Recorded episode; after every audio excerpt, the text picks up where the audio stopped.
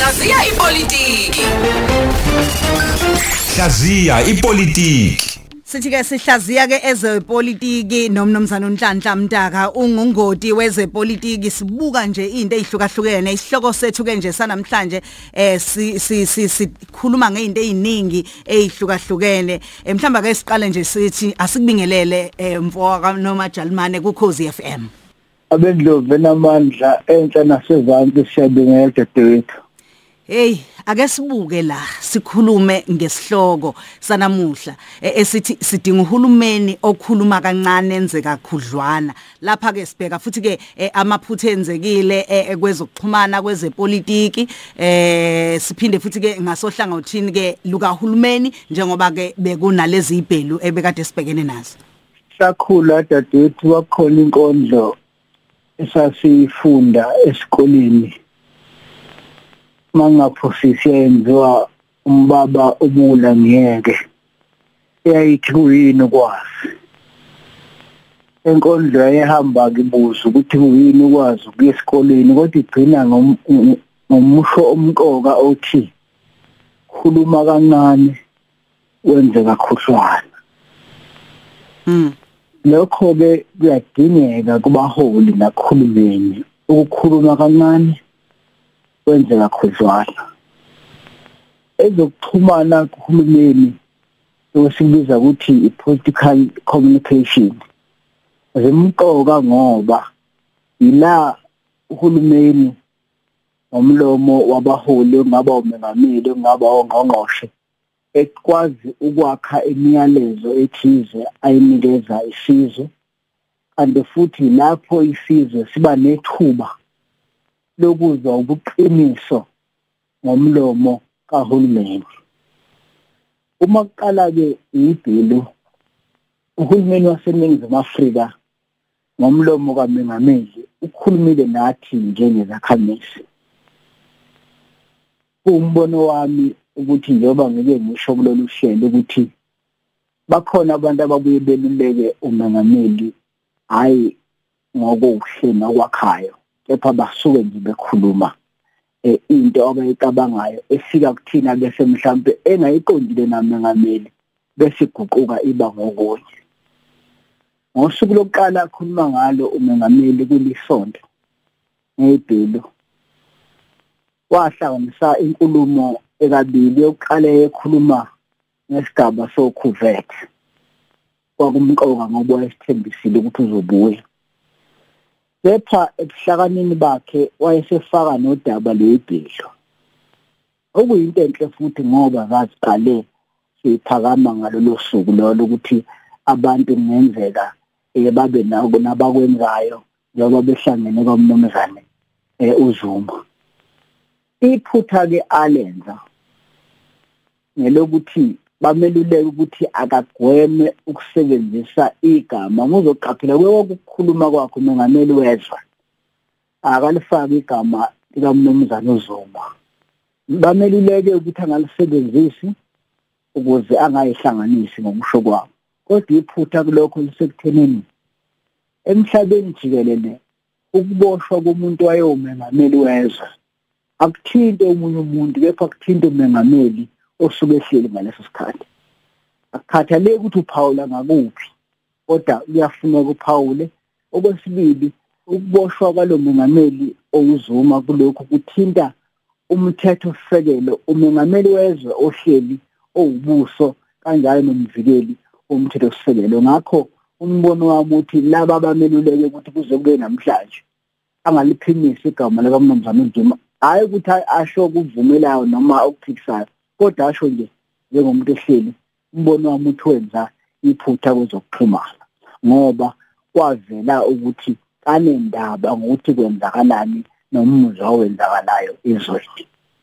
Okwesibili odabeni lobuzwe ukuthi abantu abahlohla impi ngabantu besizwe esithize yebo usexolisile ngandlela thize nalapho asikwazi ukuba nomengameli welulekwa abantu eh abathatha inkulumo eh zalapha eh, kuma WhatsApp bese bezenza inqubomgomo noma bezenza umbono kahulumeni. Noma ngabe kunjalo ke dadewethu esigabeni sikaMengameli kunamagama owashoyo ngoba uma kushiwo wena aba nesisindo noma ungawasho ngoba umuke wawasho adala eh, isimo esingaqondakali. Sivela eRwanda ngo1994 kwathatha inkulumo nje eyaba semsakazweni ngesizwe noma ngabantu abathize wahamba abantu abayisigidi balala phansi bebulalana abantu.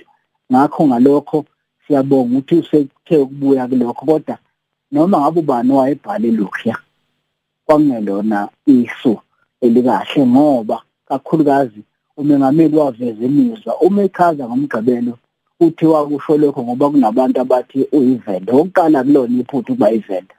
Into enhle leyo uyivenda uyozafe ivenda. Kodwa akufuneki bese uba nemizwa ngoba kusekuvela isithombe sibi sokuthi oh lokho ayikhuluma ekhuluma ngoba esezwele. Uma umengameli ke awuzweli kulezi zinto kwakukhona indlela angayikhuluma ngayo umengameli. Kodwa ke asibonge simntuse futhi akuvamile ukuthi kube nomuntu owumongameli owenza iphutha bese livuma axolise. Usexolisile-ke bakithi akwedlule okunye engicabanga ukuthi kwenzeke iphutha eh kwezokuxhumana eh udaba lolalenze ekugcineni eh lokuma mase khuluma nathi ukugcina ngoba kwakufuneka uma efuna ukwenza njalo aqale ngakho.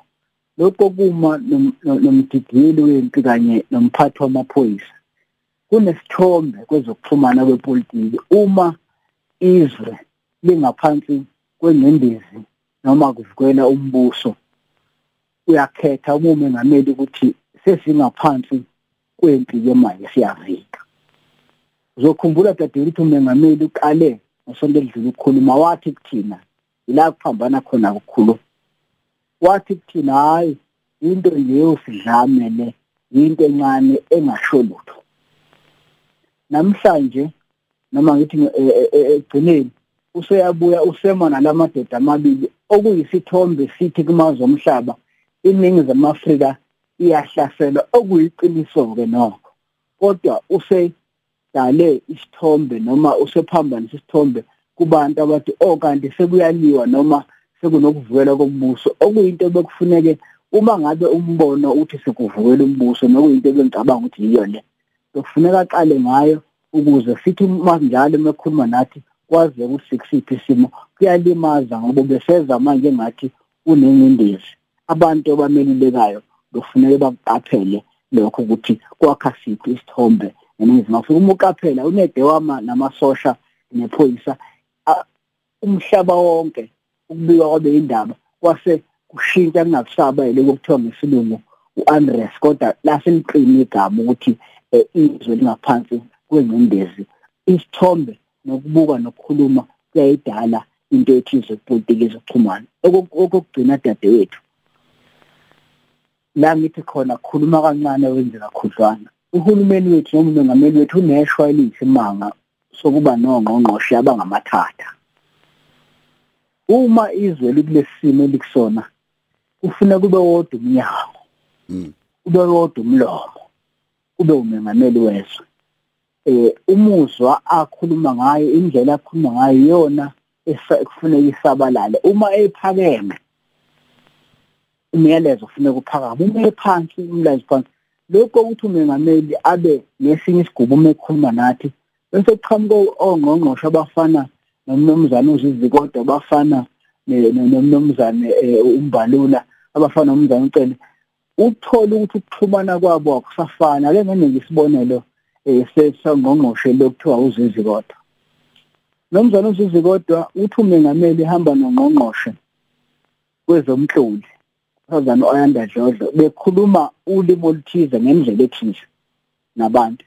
Yena uyasuka uyegoli uyisekela ngqongqoshe. Oqala nje siqale sisho umuntu oyisekela ngqongqoshe umuntu ongelutho akahlali ngisho kucabinet. Hlala ngaphandle akaxoxi la kucabinet. Usuka yena ukhipha inkulumo ngokwami ongayikhiphi uma uhlakaniphile kulesi simo.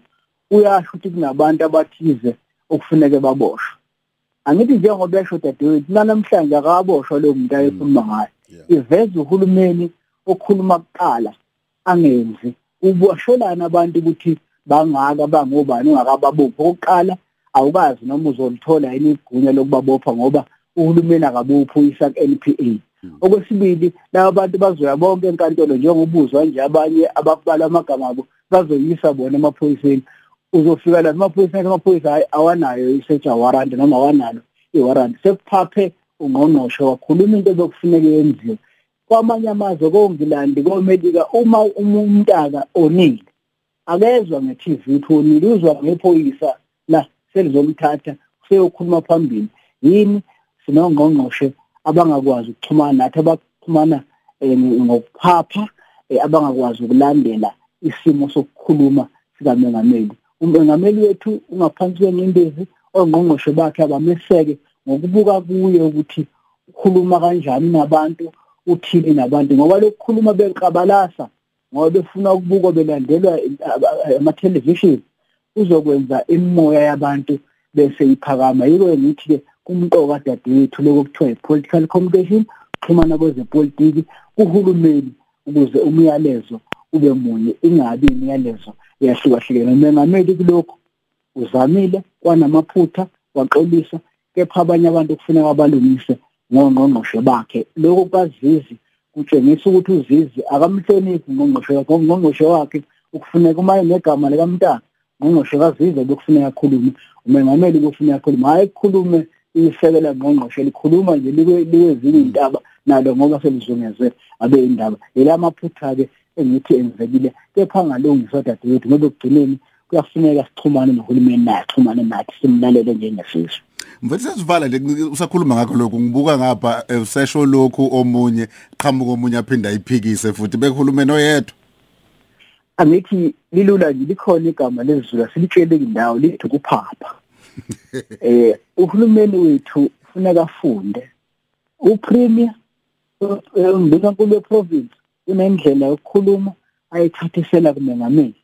Eh ungqongqoshe unendlela yokukhuluma ethela kumengameli. Sisesimeni la khona igama kufuneka libe linye kumengameli. Umethu umengameli wethu izwe lethu lihlaselwa ngabathize kufuneka silandele lokho ngoba umesho njalo lithi ethi izwe lethu.